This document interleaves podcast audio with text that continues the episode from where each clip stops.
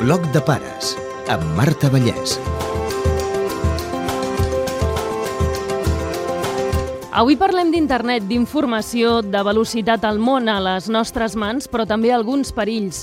Hi ha pares que coneixen i utilitzen les xarxes socials, però altres no en volen saber res. Si els nostres fills i filles dominen el món virtual, almenys hem de ser conscients del que això significa. Parlem amb el sotsinspector Ferran Resina, cap de la Unitat Central de Proximitat i Atenció al Ciutadà dels Mossos d'Esquadra, i amb en Pere Cervantes, cap d'un dels grups d'investigació tecnològica de la Policia Nacional i coautor del llibre Tranqui Papàs, que parla sobre com evitar els riscos que corren els menors a internet.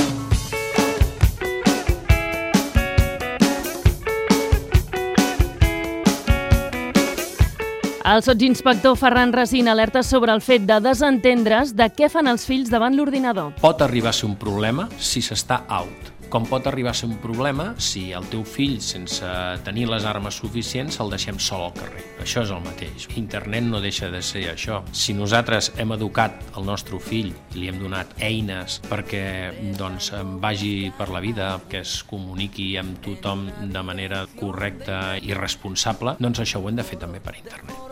No hi ha d'haver problemes, ens diu en Pere Cervantes, si els ajudem a navegar amb seguretat. El que és una realitat és que la red social, ben controlada, ben supervisada i ben monitoritzada per uns educadors o pares, fomenta les relacions socials del nen. L'ordinador en un lloc visible. Que estigui en un lloc comú de la casa, on puguem veure o puguem estar allà amb els continguts que està accedint el menor. Si l'ordinador es té a l'habitació, un altre consell és aquell de posar-lo amb la pantalla que no estigui d'esquenes a la porta, que des de la porta d'accés pugui veure la pantalla pantalla. I limitem l'estona que passen davant la pantalla. Normes de temps de connexió. Si nosaltres agafem i el nostre nen pot connectar-se mitja horeta o una horeta a una hora, que no hi ha cap problema, doncs perfecte. El problema és quan s'està connectant en accés i li impedeix fer altres activitats. Si el fet de que es connecti significa que ja no pot fer deures, que la seva relació doncs, amb els amics queda circunscrita només al que és internet, és per preocupar-se. Quina és l'edat per tenir un perfil a les xarxes? Als 14 anys. Fins als 14 anys el pare té l'obligació de vetllar pels continguts i per la intimitat i el dret de l'imatge a les fotografies que es pengen. Una red social a un nen de 10 12 anys, encara que és un pèl aviat, si demostra al nen una certa maduresa que el pare és capaç de valorar-la, doncs podria tenir. Però cada vegada els internautes són més joves. Sovint la pressió dels companys de classe fa que alguns pares cedeixin. S'ha de parlar amb el fill i dir-li, escolta'm, no toca, mira, si vols, jo tinc un perfil, posa't al meu costat mentre veus el que és un perfil. No és un contingut per tu i se'ls hi ha d'explicar. La Susi és la mare d'en Jaume, que en farà 12. La majoria de nens de la classe estan amb Facebook i connectant-se. El que controlo més és les amistats, qui són, si els coneix realment o és gent desconeguda. I la policia s'ha emportat alguna sorpresa? Compradors molt, molt precoços. Se'ns han donat casos de nens amb 6-7 anys que han sigut capaços de inclús utilitzar els números de targeta de crèdit d'un pare o d'una mare i fer compres online.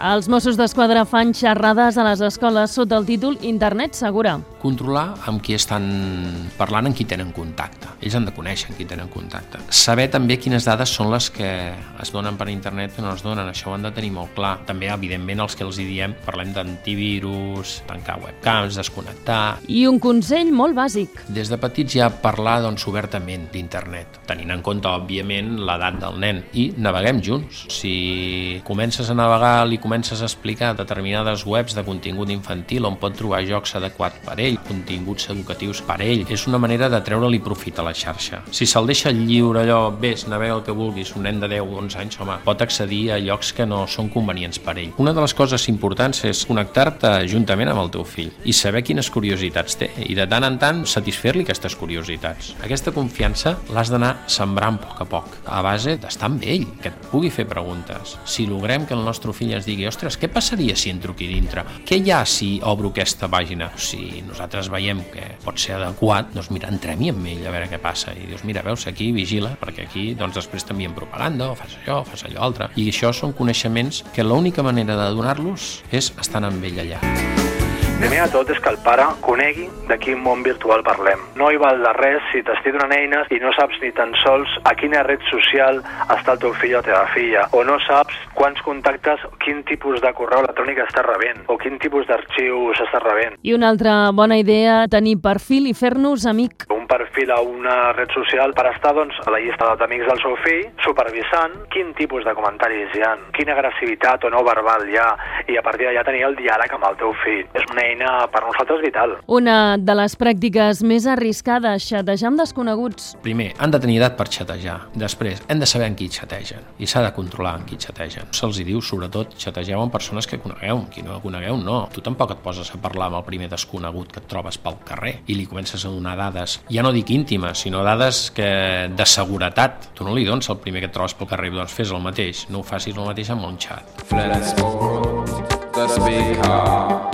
Repassem alguns delictes de què poden ser víctimes els menors a internet. Un dels més greus, el grooming, què és? S'inicia normalment per redes socials on el major d'edat, fingint que és un menor d'edat, contacta amb menors. La finalitat és obtenir vídeos o fotografies de caràcter sexual del menor o, el pitjor, una cita amb el menor en el qual pot passar qualsevol cosa. El ciberbullying. Tots hem tingut de ben petits experiències a l'escola, un ha estat víctima o potser inclús ha estat autor no? d'aquestes amenaces o d'aquest riure'ns d'algú, ara es fa a través del món virtual, de redes socials, amb la tecnologia, amb les fotos, pot ser molt perjudicial, pot ser tot un drama. Hi ha casos de suïcidis. Un altre terme nou, el sexting. L'intercanvi de fotografies o vídeos de caràcter sexual implícit. Hi ha menors de 12, 13, 14 anys, o inclús a vegades de 10, que s'envien fotos molt compromeses que acabaran causant un ciberbullying amb una red social o un bloc o un fos d'internet. No? I el hacking?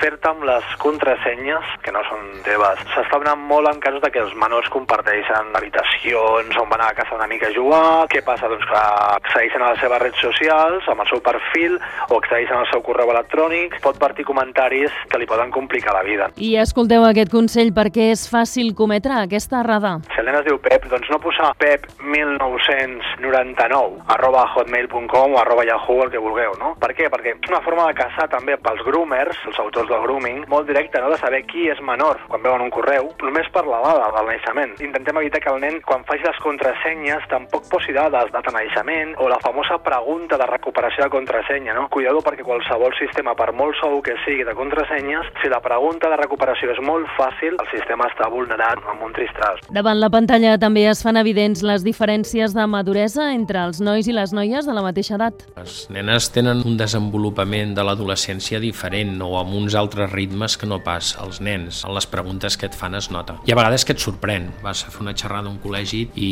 t'explica la mestra, digues, jo he vist eh, nenes d'aquesta classe unes fotografies que no són gens adequades. El sexting és molt més majoritari de presència com a víctima i com a autora de nenes. I, evidentment, el desenvolupament psicològic de les nenes sempre és molt més ràpid. I, de fet, només cal mirar el mur de Facebook per veure que... El que veig és que hi ha moltes nenes que sí que són les que pengen coses i fan comentaris. Les nenes semblen ser més espavilades en aquest sentit. Intenten penjar fotografies a vegades una mica en plan sexy o fer comentaris de nens, coses d'aquestes. Els nens no. Els nens de partits de futbol, de programes de Cracòvia, però són més innocents. La policia en recorda que s'han de fer servir eines de control parental. Un software molt fàcil d'instal·lar limitarà l'accés a certes webs que no volem que el nostre fill pugui accedir per violència o per temes sexuals explícits, que no pugui entrar a aquestes webs. Per una altra part, ens pot dir el temps que està el nostre fill o nostra filla navegant, inclús pot limitar el temps i també ens envia un informe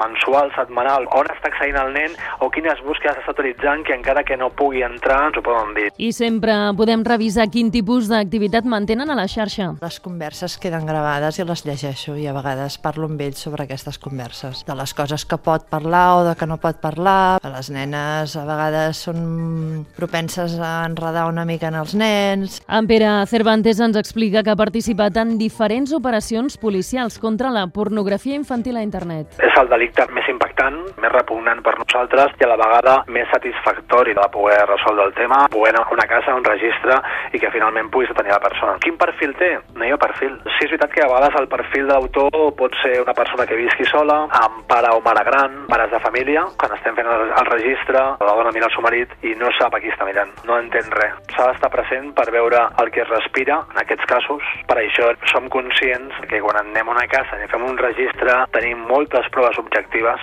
per a fer-ho, ja que qualsevol altra cosa sempre instal·la la dubte i el dubte en un tema així pot ser destructiu. Regular l'ús i l'accés dels fills i les filles a internet és a les nostres mans i no hem de cedir si creiem que no estan encara preparats. Si nosaltres estem donant consells i després té un telèfon amb accés a internet, tarifa plana, i connectar-se quan vulgui i on vulgui, a veure, són consells que queden en sac buit. S'ha de parlar. Meu fill té 12 anys, té un telèfon, però no té connexió a internet. Tan senzill com això. Si tens telèfon i no tens connexió a internet, no pots connectar-te. I et connectaràs quan pensi jo que tu et pots connectar o quan parlem i vegi que tens prou responsabilitat per penjar-te sol a internet. Són coses que han de parlar els pares. Tot és molt més fàcil si hem treballat prèviament la confiança amb els fills i podem parlar de qualsevol cosa. Quan arriben uns menors a comissaria com a víctimes i venen amb els pares, demanem permís per tenir l'entrevista amb el nen, perquè potser el nen està totalment bloquejat davant dels pares. En menys de 5 minuts ja ens expliquen tot. I no és perquè siguem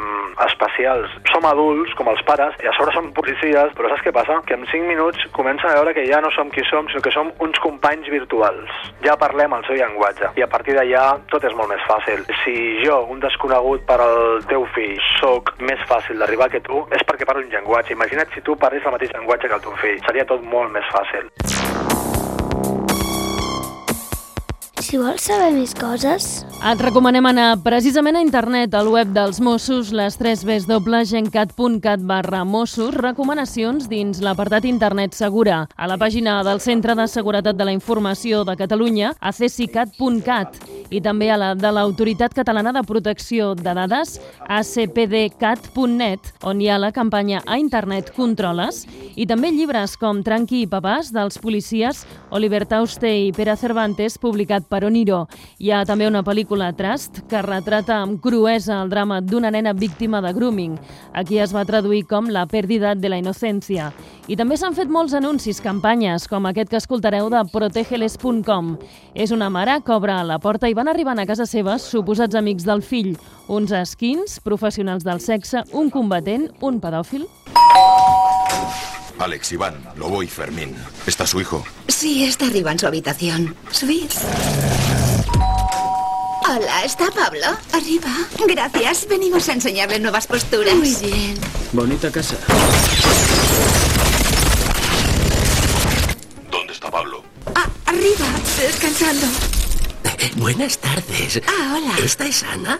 Mm, tienes un peluche precioso. Ven conmigo que voy a enseñarte los de mi casa. En la vida real protegemos a nuestros hijos. Hagámoslo también en Internet.